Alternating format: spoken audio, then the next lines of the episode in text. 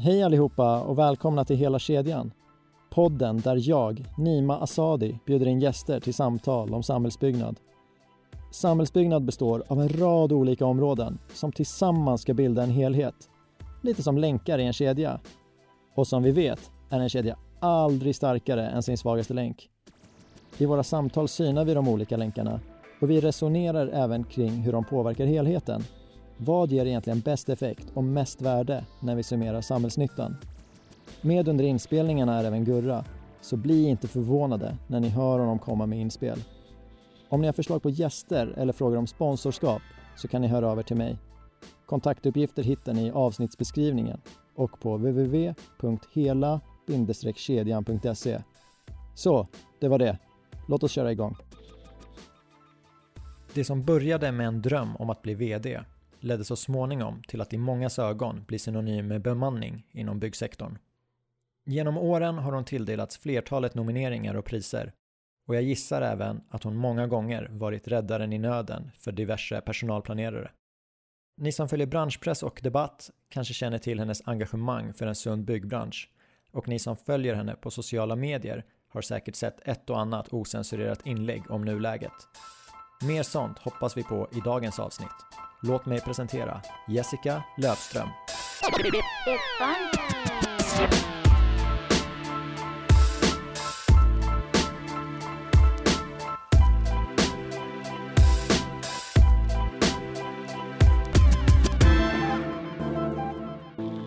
Välkommen till podden Jessica.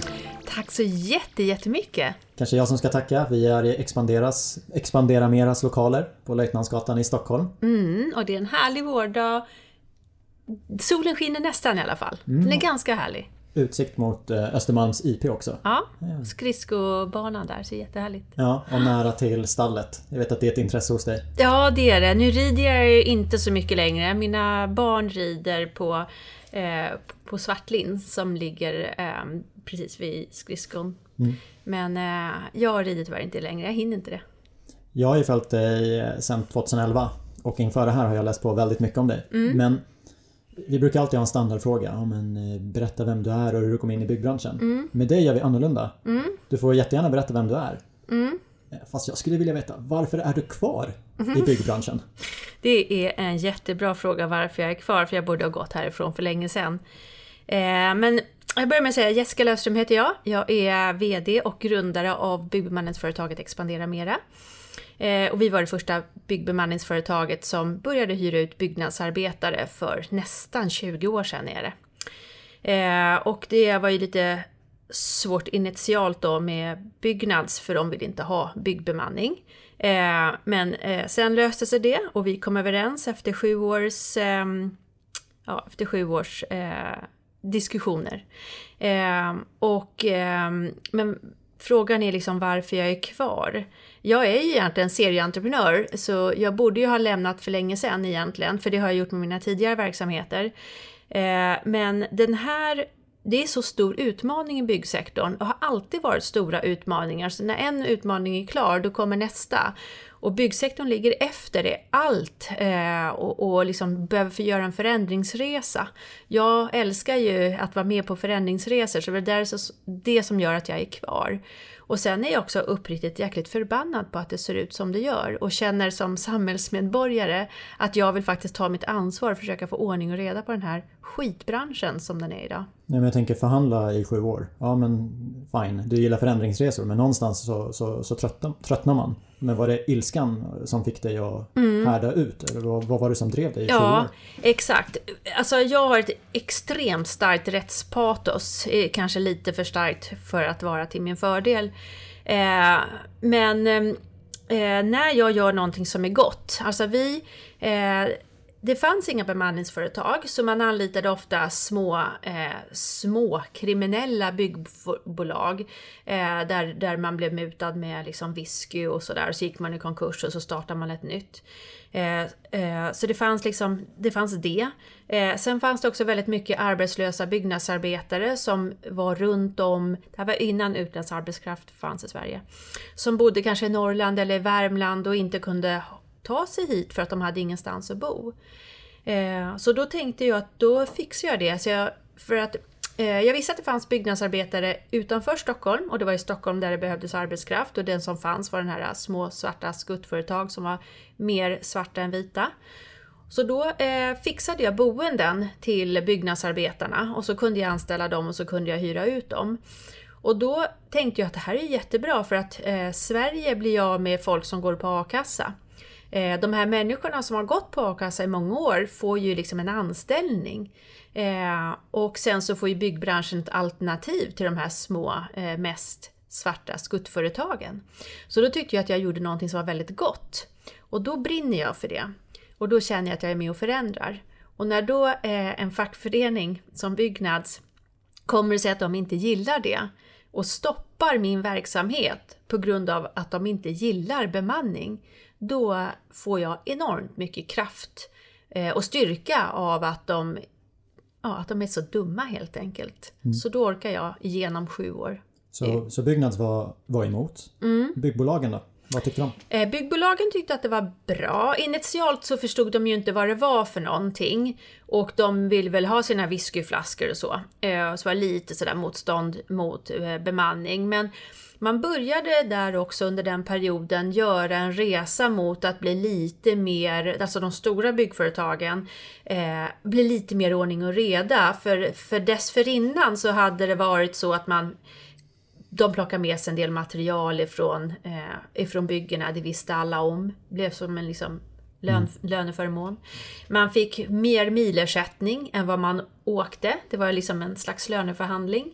Det fanns mycket såna här tokigheter i byggbranschen som bara hade alltid förekommit. Mm.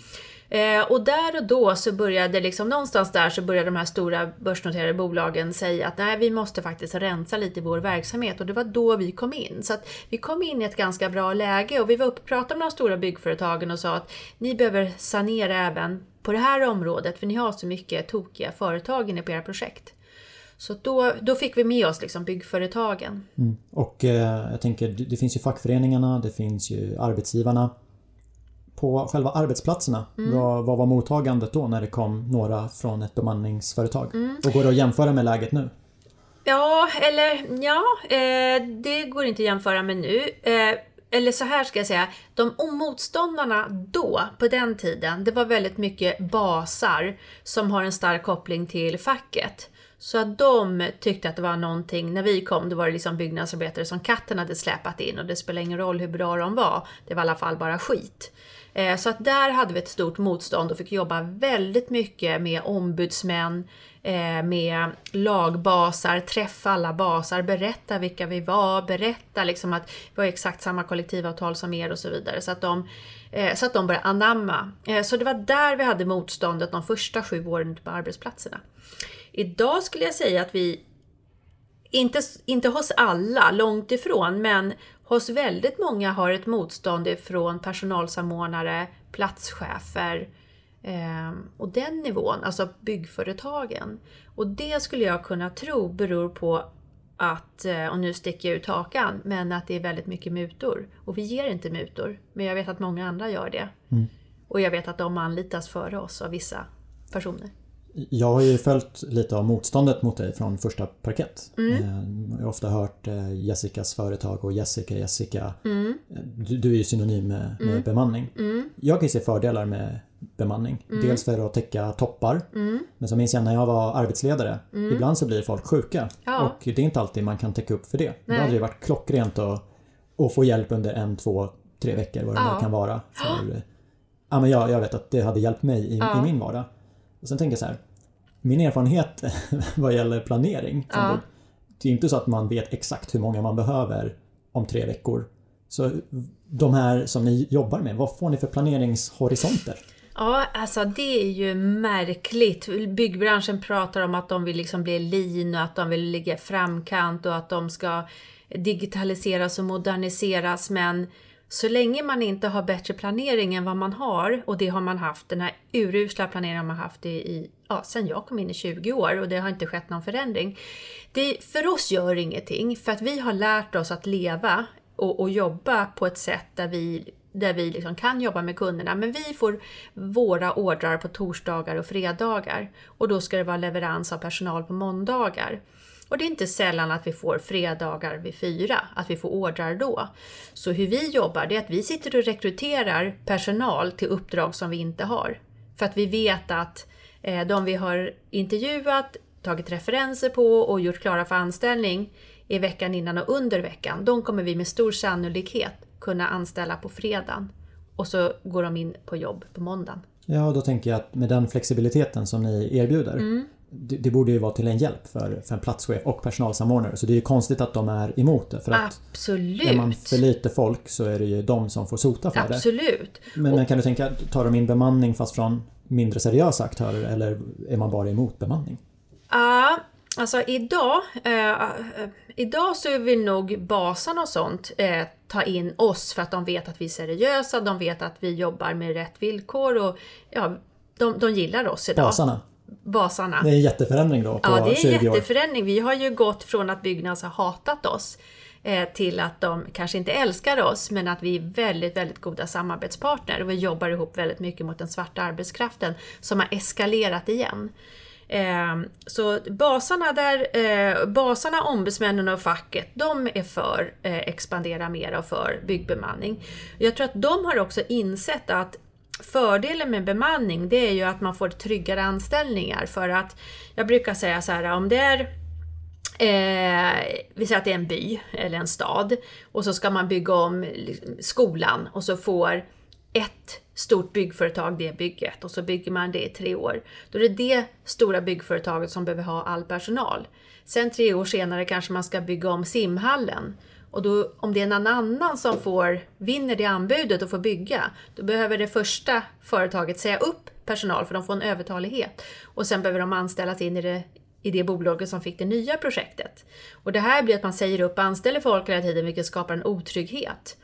Och då är det ju bättre att det finns, att man har en, en basbemanning där man vet att med den här bemanningen som vi har nu på, på, på det här byggbolaget så klarar vi alltid av att hålla alla våra yrkesarbetare med jobb oavsett om det är låg eller högsäsong, om vi får ett stort projekt eller inte. Och sen har man då ett bemanningsföretag i mitten som är den som sourcar personal till det byggföretaget som får det stora projektet. Och då får ju våra yrkesarbetare också en trygg anställning hos oss. Eh, Och det som är fördelen med det, då kan man också vidareutbilda sin personal och fortbilda sin personal. För att om du vet att du ska sparka dem om ett par veckor, ja då skickar du inte någon på utbildning. Men om du vet att de här kommer jag ha kvar nu under en längre tid, då utbildar du din personal och du jobbar med din personal. Vad, eh, vad brukar utlåningstiderna ligga på i- i snitt? Har ni koll på det? Eh, ja, alltså det är också kunderna som är lite roliga där. De säger alltid två veckor, men sen brukar det bli ett halvår. Men vi får liksom två veckors intervaller hela tiden. Apropå planeringshorisont. Apropå planering, ja. Så man har ingen aning. Man ser två veckor framåt i tiden, längre än så har man svårt att se. Ja, men jag tänker för eh, om kunderna hade hållit sig till två veckor Mm. då ma- man måste ju vara eh, man måste ju klara det som person, att, att byta arbetsplats var, Ja. varannan vecka. Ja, Hur skulle du säga, vilka söker sig till expandera mera? Har ni bredd eller hur ska, hur ska jag förklara frågan? Eh, eh, Söker sig folk i alla åldrar till, Ja, till expandera mera? absolut, absolut. Man kan säga initialt när vi började, då hade vi ju så extremt dåligt rykte hos facket. Eh, Så att då hade vi ju svårt att attrahera personal och då, då hittade vi vi liksom från Norrland och Värmland så vi sourcade liksom därifrån. Och då hade de inte kontakt med, med facket här i Stockholm för det var ju de som var mest aggressiva mot vår verksamhet. Och de uppe i Norrland hade ju ingen aning vilka vi var. De tyckte nog bara att vi var bra för de såg att vi anställde folk. Eh, Eh, så, hur, vänta, hur var frågan? Nej, men vilka söker sig till expandera Ja, mera? jo. Eh, så då hade vi svårt att, liksom, att hitta bra personal, men idag är vi så välkända. Och vi har ju funnits då nästan 20 år. Vi har en god relation med facket. Eh, folk vet att det är seriöst och bra anställningar här. Så att väldigt många vill komma till oss.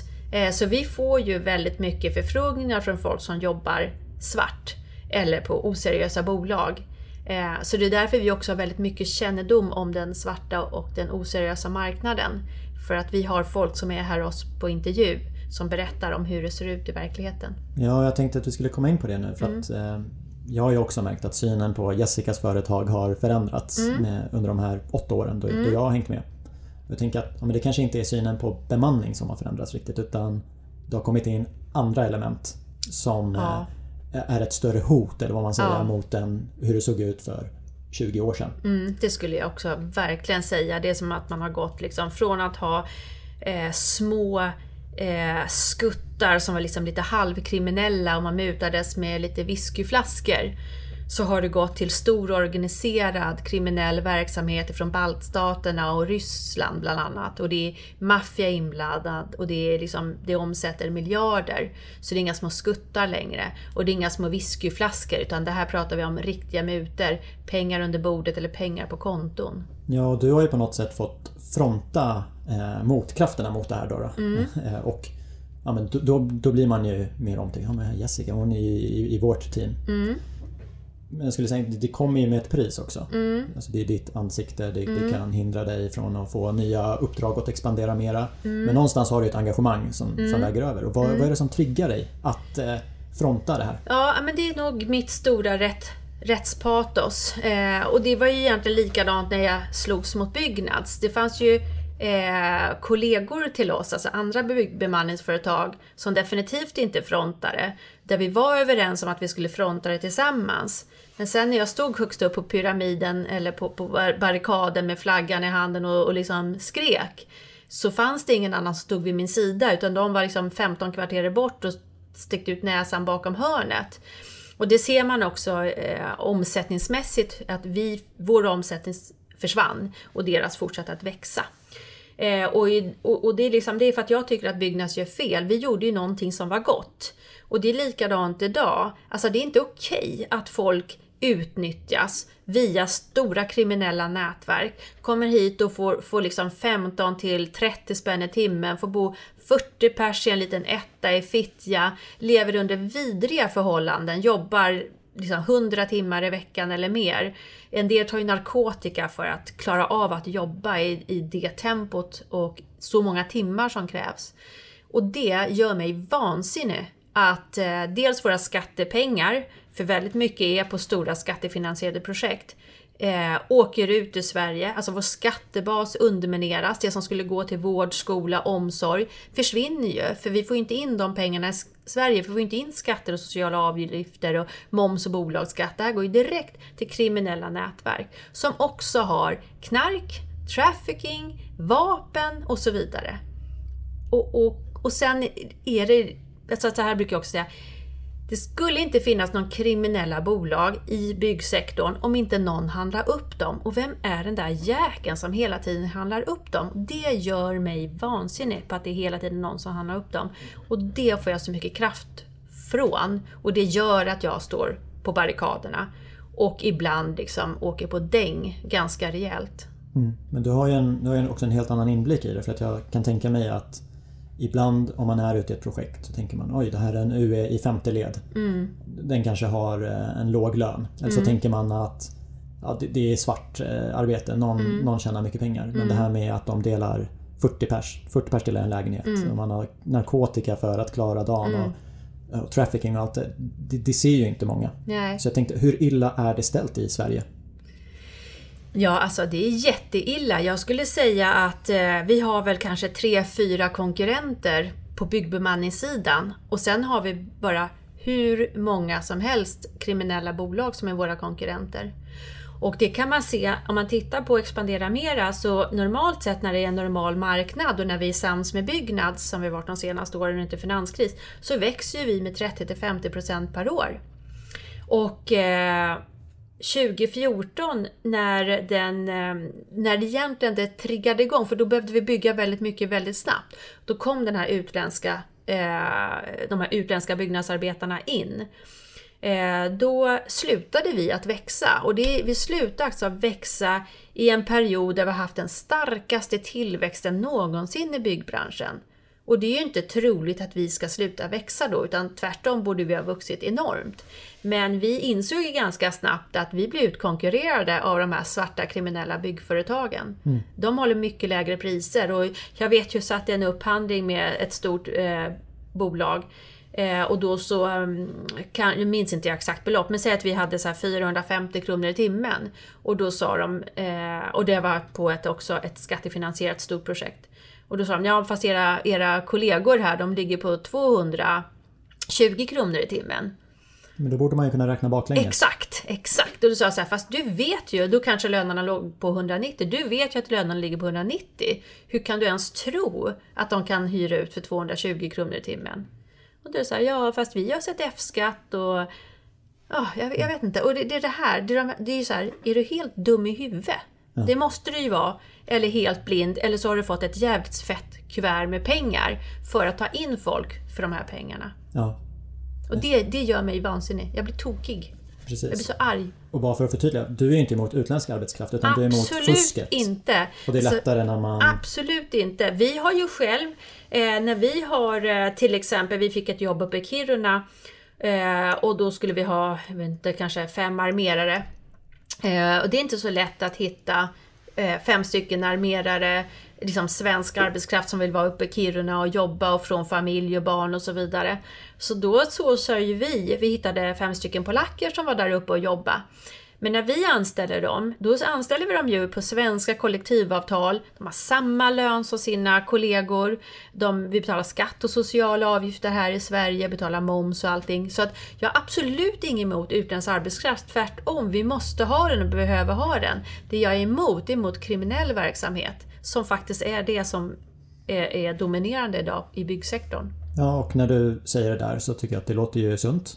Ja. Eh, det går inte att säga emot. Nej. Så varför motarbetas du då av vissa företag och medlem, medlemmar i BI? Ja, jag, jag, tror att det är för att eh, Dels så säger alla stora börsnoterade byggföretag att såklart att vi vill ha ordning och reda och hos oss ska det bara vara sunt och vi har sunda värderingar.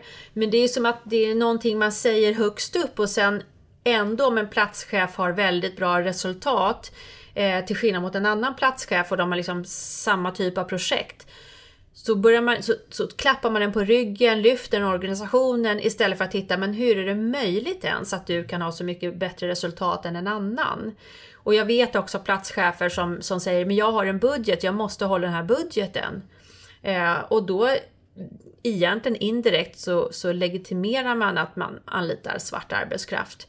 Så att jag upplever att de flesta byggföretagen är väldigt noga med den här frågan tills det att det kommer nära deras affär. Den dagen det kommer nära deras affär så att de påverkas på sista raden, då är de inte ett dugg intresserade av ordning och reda längre. Utan då döljer man och man mörkar och man säger vi visste inte. Men de vet, för det, alltså, de kan inte vara så okunniga. Och det är också så här, jag satt häromdagen i en, eh, i en grupp och diskuterade och då så sa ett stort börsnoterat bolag, ja men det är så problematiskt för att det är så låga marginaler i branschen. Så det är svårt liksom för oss att eh, ja men det är svårt liksom att driva de här verksamheterna. Och samtidigt i meningen därefter så sa han, men vi har hittat ett system där vi kan ha hur många led som helst ner bland UN. Eh, och, och då blev så här, frågade jag honom, hur tror du om det är så låga, du prat, sa precis att det är tunn, tunn, vad heter det, lövtunna marginaler. Och hur tror du själv då att den på sjunde, åttonde UN-nivån ska kunna ha några pengar överhuvudtaget? Så att de liksom reflekterar inte, utan de bara, ja, men om vi, så länge vi har ett system där vi kan eh, att det ser ut som att vi har ordning och reda, där vi kan säga våra värdeord, Eh, även fast vi kanske vet att det inte stämmer. Så länge det ser ut som att vi vet att det är ordning och reda, då är det helt okej. Okay. Sen att vi vet att det är svart på botten, så länge vi kan ha ett system där vi kan säga men det ser ut som att vi har ordning och reda, då är det okej. Okay. Ja precis, alltså det, det, går ju inte att säkra åtta led. Inte med de verktyg Nej, vi har det är klart idag. Att det, inte går. är, det är lagom svårt med, med två led. Ja, och, och, det går ju inte ens att ha en marginal ner i åttonde led. Det är så dumt att man ens kan säga något sånt. Ja, men det tänkte jag också. Du nämnde det att ibland så är det whiskyflaskor och mutor mm. kanske. Men många gånger är det ju att man vill lämna ett bra resultat. Mm. Att man gömmer sig bakom Mm. det då. Den Mm. där upphandlaren som sa att konkurrenterna de kostar 220. Just det. Det är inte säkert att han eller hon får whiskyflaskor. Nej. Men någonstans så Ja men jag, jag måste ta det lägsta Ja. anbudet annars får jag skäll av min Ja, chef. precis. Ja, men och det är en kultur som är ett problem hos, stora, hos många av de stora byggföretagen. Att det är ett kulturproblem Mm. som de behöver jobba med. Jag har ju följt dig i branschmedia där Mm. du går ut och berättar om fusket. Jag följer på LinkedIn och, och Twitter sedan två veckor tillbaka. Mm. Och då, då skriver du att kom och kolla den här arbetaren har ju inte fått sin, sin lön eller Mm. den här arbetaren tjänar 25 spänn i timmen, hur kan det Mm. vara okej? Mm. och det är det ju inte. Mm. Men jag tänkte om vi ska försöka förklara för lyssnarna. På vilket sätt fuskas det idag? Är det bara att man ger låga löner eller hur, hur går fusket till Mm. tekniskt? Ja, eh, för det första så är det, man kan säga det är idag är det nästan bara de utstationerade bolagen som fuskar och utstationerade är sådana som har utländsk arbetskraft. Och det är själva utstationeringen som är en lucka i lagen som gör att de kan fuska. Eh, när man är utstationerad så finns det ett stort regelverk och det är EU-lag och EU-lag står över svensk lag som ska tillämpas här i Sverige. Och det är väldigt reglerat om hur en utstationering får gå till. Men de här bolagen som är utstationerade, de bryter mot lagen. Eh, alltså det vill säga till exempel så får man bara eh, vara utstationerad i en viss, en kortare period. Så fort man eh, har eh, ett kontor här eller någon som jobbar som VD här i Sverige, då är man inte längre utstationerad utan då ska man vara som ett svenskt AB.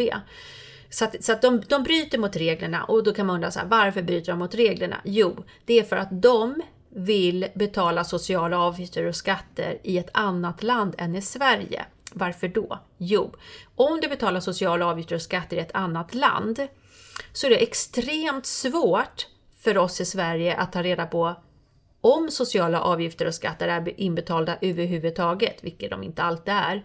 Men framför allt så döljer du den verkliga lönen. För att om du skulle betala sociala avgifter och skatter här i Sverige, då kan du räkna baklänges och se vilken lön de här arbetarna får. Och, och, om det då blir så uppenbart att de har 30 kronor i timmen, då kan inte ens de stora börsnoterade företagen ha kvar de här leverantörerna, för det blir för obvious att, att de har svart arbetskraft. Men när de betalar sociala avgifter och skatter i ett hemland, då är det jättesvårt att få ut en skattedeklaration ifrån till exempel Rumänien.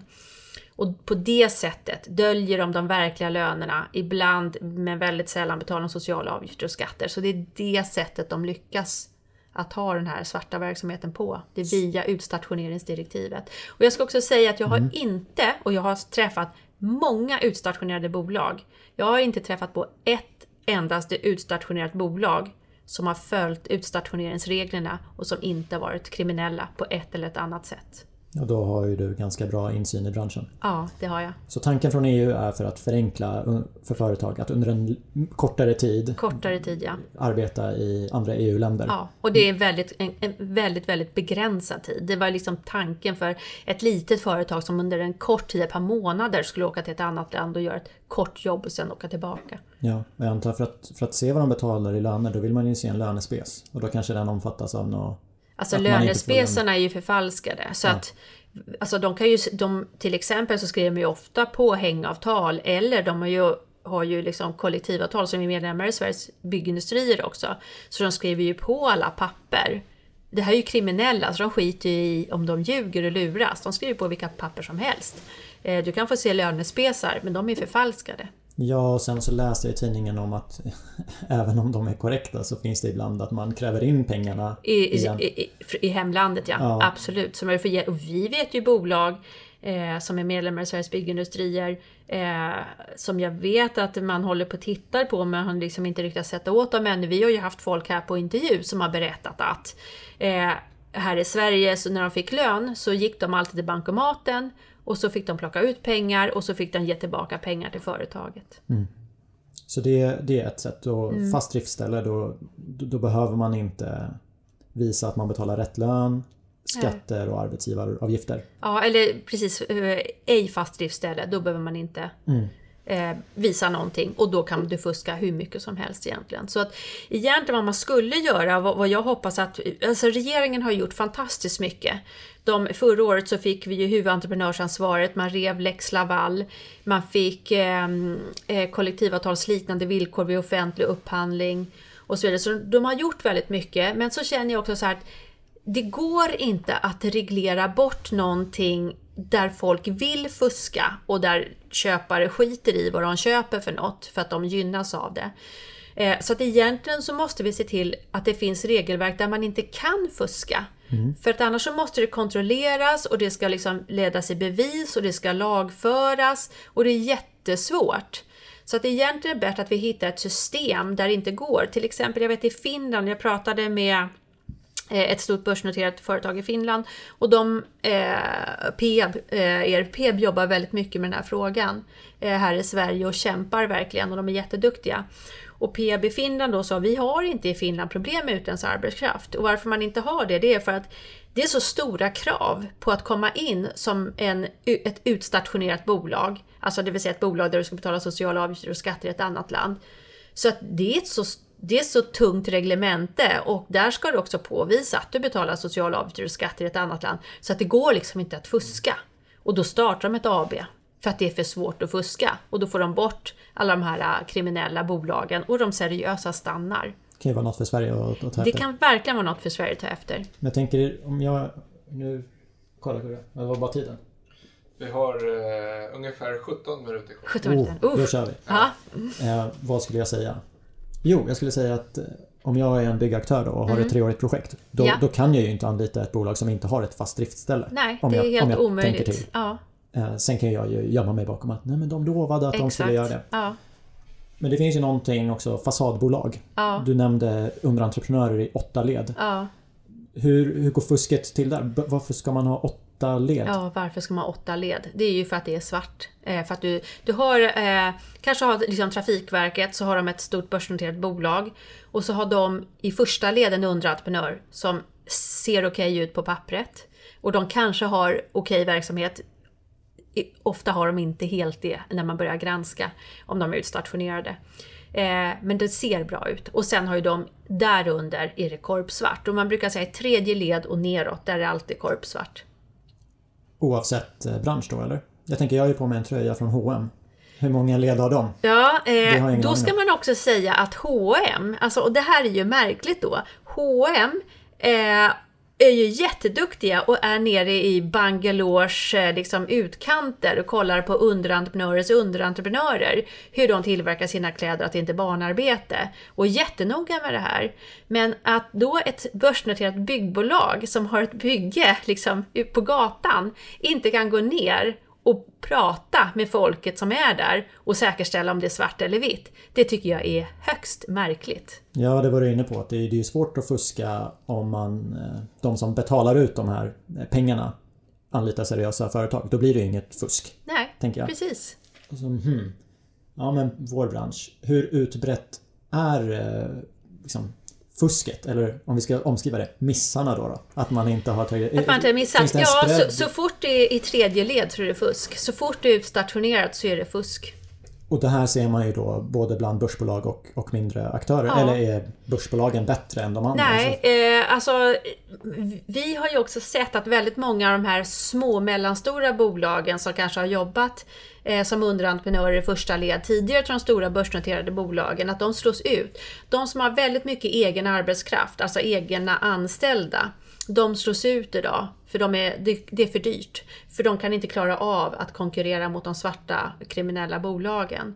Och det gör att de här bolagen istället för att gå i konkurs, de har ju också tagit bort sin egen personal eller sänkt antalet egenanställda, precis som de börsnoterade bolagen har gjort. Och sen har man istället plockat in utländska underentreprenörer. Och det är rakt över, det är allt från den lilla byggaren till, till den, stor, den största börsnoterade byggaren. Ja, jag har tänkt men om man på riktigt vill förändra och mm. verkligen leva upp till eh, en sund byggbransch. Ja. ja. men då kanske det startar i ledningsgruppen. Sen har jag insett att det är inte där det startar. Det startar i styrelsen, styrelsen tillsätts av aktieägarna. Ja. Och så kan man ju dra en parallell till, ja men Swedbank har ju varit på alla löpsedlar mm. för de har fuskat. Mm. Jag har inte sett något nå byggbolag på löpsedlarna på grund av fusk. Nej. Och när det sker, mm. för det var ju en händelse på Kungsholmen i mm. Stockholm där Arbetsmiljöverket har kommit dit och personerna har sprungit därifrån. Mm. Jag kan tycka att det är ganska allvarligt. Mm. Det stod inte vilket bolag det var. Nej. Varför är vi så snälla i den här ja, rapporteringen? Jag vet inte varför vi är så snälla. Det borde förekomma namn på de här bolagen. För att det är det enda sättet, tänker jag, att komma åt dem. Det är att de börjar hängas ut. Att man börjar skriva att det här stora börsnoterade bolaget hade svart arbetskraft. För att då kommer det slå mot aktien och alla är oroliga att aktierna ska liksom falla i värde. Eh, jag har också varit i kontakt med Folksam, Alecta, AMF Pension och frågat hur, hur ser ni till att det inte är svart arbetskraft på de här byggena? Eh, och de har svarat med radiotystnad. Alekta Alecta svarade att de skulle återkomma och jag skickade lite artiklar till dem om svart arbetskraft och sen har de inte återkommit. Så att varför, varför man är så himla silkesvantar på för de stora byggföretagen, det vet jag inte. Men jag vet att när vi går ut, eller när jag går ut och pratar om vilka de här bolagen är, så drabbas ju vi kraftigt ekonomiskt. Så vi har ju tappat ett par ramavtal eh, med stora bolag. Eh, på grund av att vi har gått ut och liksom sagt att det är svart arbetskraft. Eller också en gång så informerar vi ägaren om att det var svart arbetskraft på hans projekt. Och det är ett stort svenskt eh, bolag som har liksom en ägare. Och han blev så arg så han sa upp vårt ramavtal. Ja, då, då vill man ju inte vara med på den här resan mot en sundare Nej, byggbransch. och det är ju också en, en, person som är väldigt tongivande inne på Sveriges Byggindustrier. Mm. Så att det, det är som att man får det är som att svära i kyrkan och säga vilket bolaget är.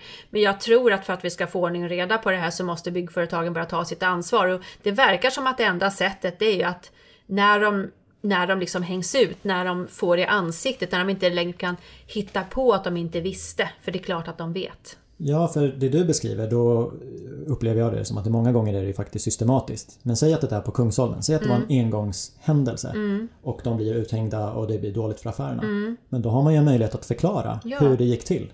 Absolut, det, absolut. Det finns ju mänskliga ja. faktorer i allting. Och jag ska säga, det är ju inte första bygget där folk springer. Det händer ju nästan alltid när eh, journalister eller eh, ja, myndighetspersoner kommer ut. Ylva var ju ute förra våren eh, runt på byggen, Ylva Johansson, arbetsmarknadsminister.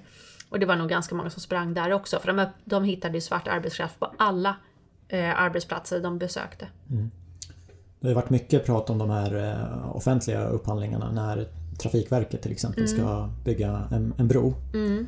Då har det varit att, ja, men dels att anbuden, man kan ju anpassa dem så att det är mm. ätorna man tjänar pengar på. Det är ju ett verktyg man har.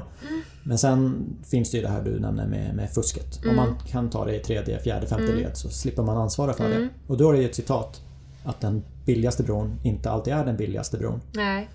Eller jag brukar säga så här, det lägsta priset på att bygga den här bron är inte det billigaste priset utan tvärtom blir det dyrare.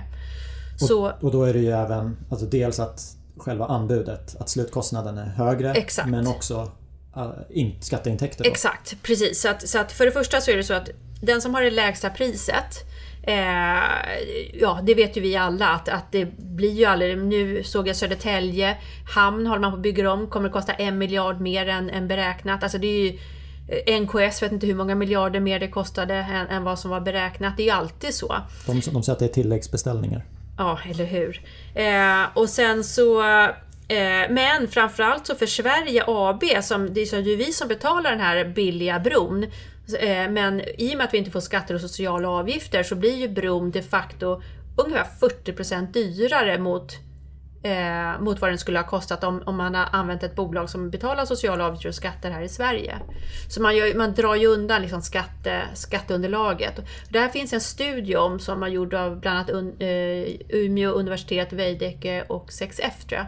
Och är man intresserad av den studien kan man mejla mig så får man den studien, för jag har den. På Jessica at? Jessica at expanderamera.se Ja, ja hoppas. jag kommer mejla. Fast mm. vi kanske kan ta det direkt här. Ja, absolut. Ja. Eh, stoppa fusket, det har vi gemensamt. Mm. Och eh, du, du skrev att vi måste få politiker att vakna, mm. ändra lagar, strama mm. åt kontrollsystem och mm. regleringar. Mm. Eh, Sverige är det land där det är lättast att jobba svart. Ja. Tänk så här, mm, nu ska vi bli lite mer konkreta. Så jag, jag rabblar upp några och så säger du, vad, vad, kan de göra? Och om vi börjar med EU. Vad, vad, kan de göra? Är det fel på utstationeringstanken?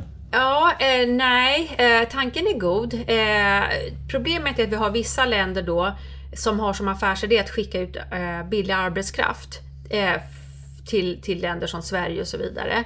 Eh, och om du försöker få skattedeklaration från det landet så är de inte extremt behjälpliga utan tvärtom. De gör allting för att motverka att man ska se hur det ser ut. Så att ska man vara med i EU, då får man liksom vara med i EU på riktigt. Och jag tror att det är jätteviktigt för att EU ska finnas kvar och vi inte ska få svexit.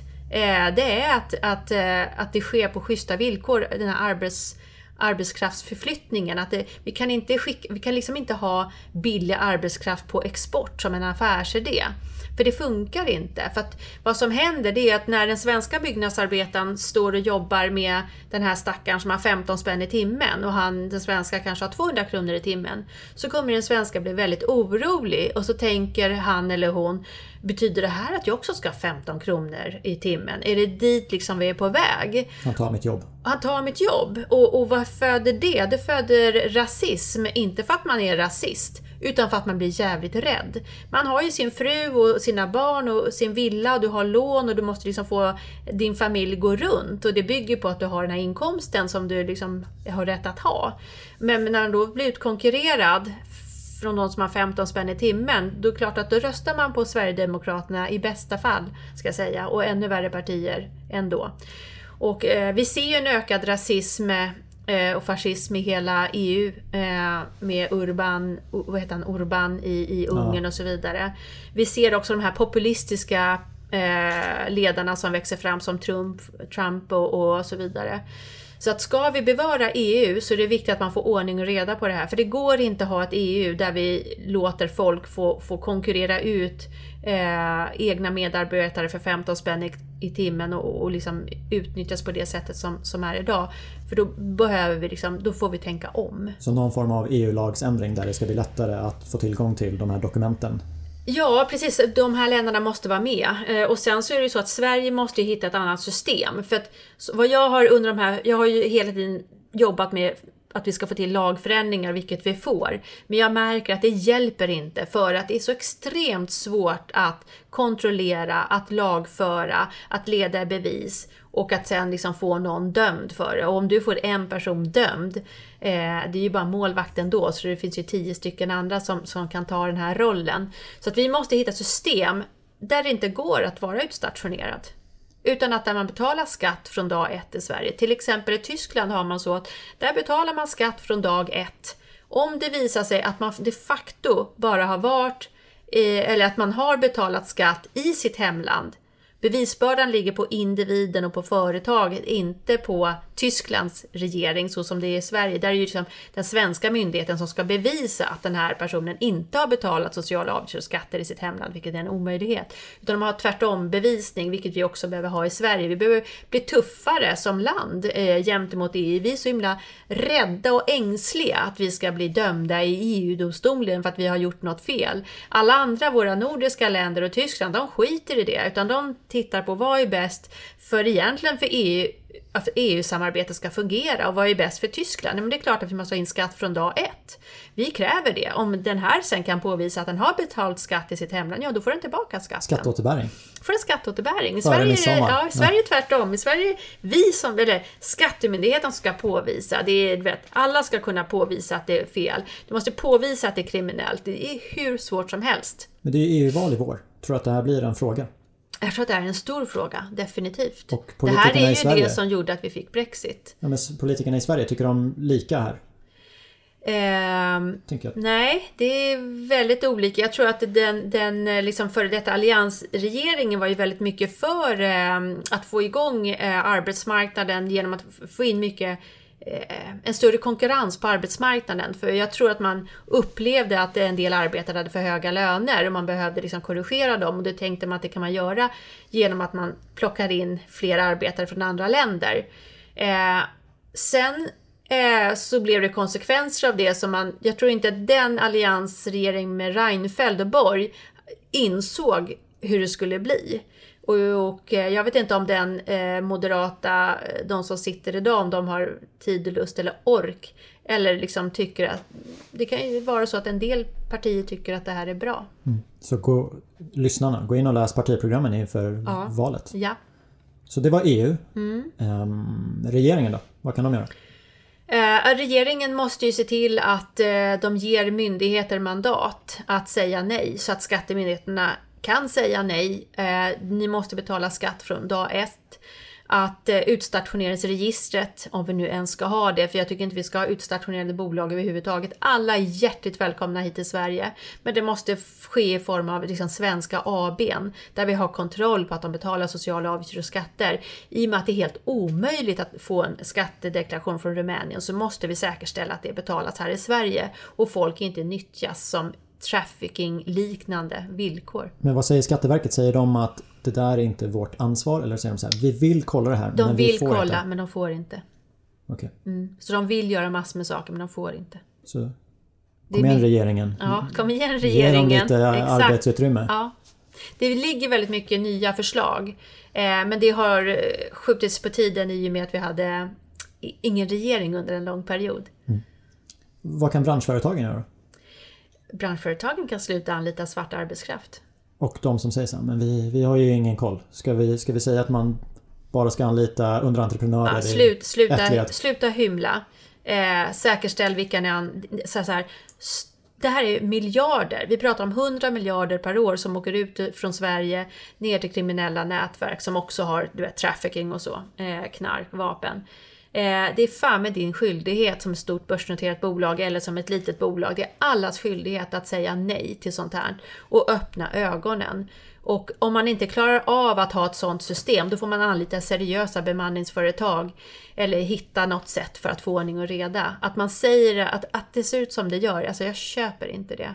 Många är ju medlemsföretag i BI då. Mm. Så kan BI hjälpa till på något sätt? BI har eh, med Kattis i spetsen påbörjat ett arbete där de har tagit in bland annat, det började i somras när de tog in Stoppa fusket, som är den här organisationen med de grävande journalisterna som har grävt fram väldigt mycket, bland annat om, om Trafikverkets Lovön, där vi hade tio artiklar eh, om hur, hur tragiskt det såg ut där och att det är liksom folk som har 10 spänn i timmen och allt vad det nu är. Och där de markerade en sprängning med att tuta med biltutan. Exakt, alltså, och där man också använder tung trafik fast man inte får det. Man skickade ut orenat vatten in Mälaren. Alltså det är ju så mycket, det är ju som bara stor bedrövelse hela det projektet. Eh, så man tog in dem eh, för att utbilda eh, Sveriges Byggindustrier, de som jobbar, tjänstemännen, om hur det ser ut. Och sen tror jag också att de har blivit väldigt, de har ju haft, innan Kattis kom in så har det varit så att de har blivit väldigt influerade av Svenskt Näringsliv och från Alliansen som ville öppna, eh, öppna för utländsk arbetskraft och så vidare. Och det där gick lite för långt. Eh, och man hade inte riktigt koll på vad man tagit in och man hade inte koll på vad som Alltså det, det som skedde hade man inte liksom förutställt sig att det skulle kunna hända. Mm. Och jag vet ju också att Sveriges Byggindustriers jurister sprang och hjälpte de stora börsnoterade bolagen och alla bolag egentligen som för tionde gången blev upptäckt med svart arbetskraft.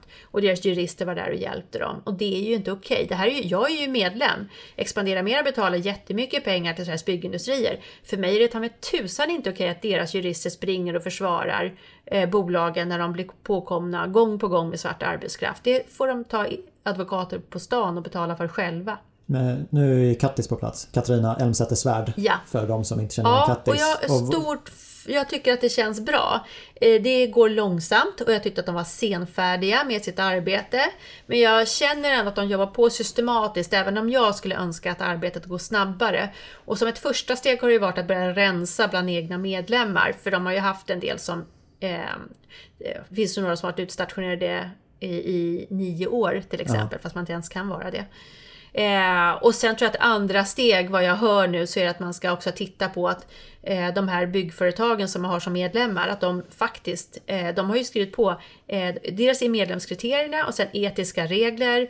Och det står väldigt tydligt att man inte får anlita svart arbetskraft. Och om man kommer på dem med att göra det, då kommer man kontakta dem och säga att det där företaget vet vi att det är ett svart företag, så vi vill att ni inte anlitar dem längre. Men Jag tänker att det är, en, det är ett jättearbete som ska göras om man ska kolla bland alla medlemsföretag. Ja, Så det- har de anställt en massa fler? Har du koll på det? Eller, Eh, jag tror att de har utbildat liksom, den personalen som finns i hur man kontrollerar. Så det är ett jättearbete, men det måste göras. För att hade jag varit Kattis så hade jag inte varit, velat vara eh, VD för Sveriges Byggindustrier, Sveriges sunkigaste arbetsgivarorganisation. Utan jag hade verkligen velat ta tag i det och se till att det blir den sundaste och bästa arbetsgivarorganisationen. Så man kan vara stolt varje dag när man går till sitt arbete. vad kan Byggnads göra då? För ibland är det ju krav att man ska vara, vara medlemmar där. Mm. Byggnads kämpar på. Eh, dock behöver ju de också fundera på det här med, eh, man ger ju alla eh, de, om man, man, man kan ha, antingen är man medlemmar hos Sveriges Byggindustrier, då får man kollektivavtal. Eller ska man vara medlemmar hos Byggnads, då får man något som kallas för hängavtal. Eh, och Byggnads har ju tidigare eh, tagit in bolag som man kanske vet att de är halvsvarta, men man har gjort det för att man vill skydda medlemmarna.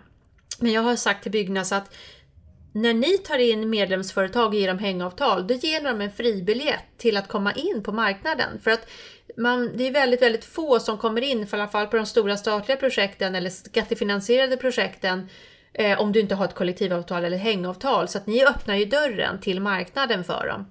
Så, och där behöver ju Byggnads fundera på dels vilka mer, de börjar göra samma resa som BI har gjort. Dels fundera på vilka medlemsföretag de har, slänga ut de som inte sköter sig, eh, kontrollera att man bara tar in rätt typ av företag och sen se till att de inte har svarta underentreprenörer. Får träffas i höst och se vilka som lyssnade och vad, vad som har hänt. Mm, Vissa ja. är ju på gång, Byggnads ja, är på absolut, gång till exempel. Absolut. Eh, de sista två sakerna jag tänkte fråga, mm. fråga om var ju att ibland kanske det är svårt att våga säga till sin platschef eller till sin VD att det är lite fuffens på den här arbetsplatsen. Man är rädd. Mm. Man är ju rädd. Mm. Vart, vart kan man vända sig? Visselblåsare. Har vi någon sån funktion i Sverige? Eh, Trafikverket har en whistleblower-funktion. Däremot har ju de inte satt åt något bolag vad jag vet eh, som har varit svart. Eh, men det kan ju vara bra att få igång deras verksamhet, så att, eller i alla fall göra dem medvetna om hur svart det är. För det, ibland undrar jag om hur medvetna de är om det. Eh, och sen så kan man skicka in till Sveriges Byggindustrier. Du kan skicka in till Byggnads. Eh, du kan skicka in till Fairplay eh, som en eh, organisation som ägs av eh, Sveriges Byggindustrier och Byggnads tillsammans. Mm. Och det är de som red, red, utreder. Okay. Skattemyndigheterna är jättebra att skicka till också och ekobrott. Info at skatteverket.se. Det är, mm. kanske inte, är det där man börjar? Kanske? Ja, eller ja, Mm. Testa där, gå in på det. Jag tror inte de har någon whistleblower-funktion. Eh, alltså ingen sån. Men, men jag skulle mejla dit och eh, ringa dit och ekobrott också. Ja, och Fairplay. Eller till dig. Eller till mig. Jag hjälper dig gärna. Jag kan mycket om det här. Jag vet vart man ska eh, ge information. När vi har pratat om eh, stoppa fusket. Mm. Det, blir så här, det blir lite negativt. Även om liksom, ditt engagemang och vi mm. tre i det här rummet, vi vill ju någonting bra. Mm. Så mm. finns det lite positivt i det. Men jag mm. tänkte att vi ska avsluta med mm. någonting desto roligare. Mm. Jag vill höra mer om 17-nätverket. Mm. 17-nätverket är något jättespännande och jätteroligt. Och det startade Eh, jag faktiskt tillsammans med några andra och det var förra året i mars Eh, den 8 mars på internationella kvinnodagen som vi lanserade hela 17-nätverket. Och 17 är, eh, vi vill främja eh, att flera kvinnor börjar starta bolag. Men sen framförallt att fler kvinnor bygger stora bolag. Stora bolag med stora omsättningar som tjänar mycket pengar. För med mycket pengar och stora bolag framförallt, då får du makt för du får en röst och du kan göra dig hörd och du kan förändra samhället. Och vi tror på att det behövs fler kvinnor för att förändra samhället till det bättre. Ja, jag håller med. Mm. Om vi kollar byggbranschen så den hade ju tjänat lite på att spegla samhället i stort lite mer. Absolut, och jag är övertygad om att vi hade inte haft finanskrisen om det hade varit 50% tjejer som hade jobbat eh, på Lehman Brothers och på Fannie Mae och allt vad de hette, de här som gav ut de här bad debts.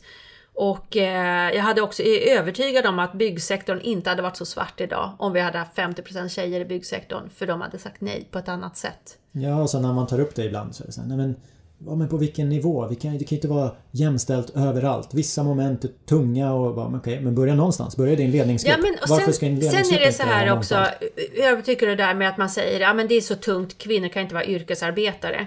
Men eh, kvinnor har, eller män har mer muskler, eh, liksom, så fysiskt är de ju liksom starkare. Men eh, män klarar inte heller av att bära två säckar på ryggen och jobba tills de är 67. Så att jag tror att det behövs mer kvinnor in för att börja använda sig av hjälpmedel och hjälpredskap så att du faktiskt är, eh, kan ha ett helt yrkesliv till 67 eller ännu längre.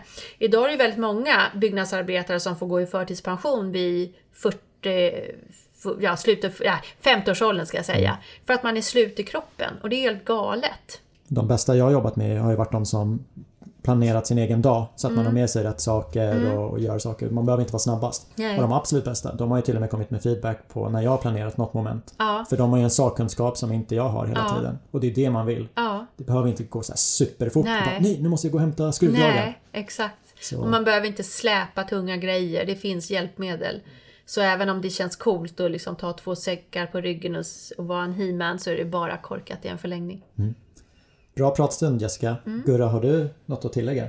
Bara två tummar upp. Ja? Mm. Två stycken. då, är det, då är det superbra. Tack för att du, du var med och eh, jag hoppas att vi kan stämma av eh, om några månader. Och inte för att det har hänt något dåligt utan bara, men hur, har- hur har det gått? Ja, absolut. Kan i och för sig tjäna på några löpsedlar också så att det blir lite, Ja. lite fart på branschen. Ja. Tack för att du var med och till lyssnarna så se, hörs vi nästa vecka. ja, tack så jättemycket för att jag fick vara med. Tack!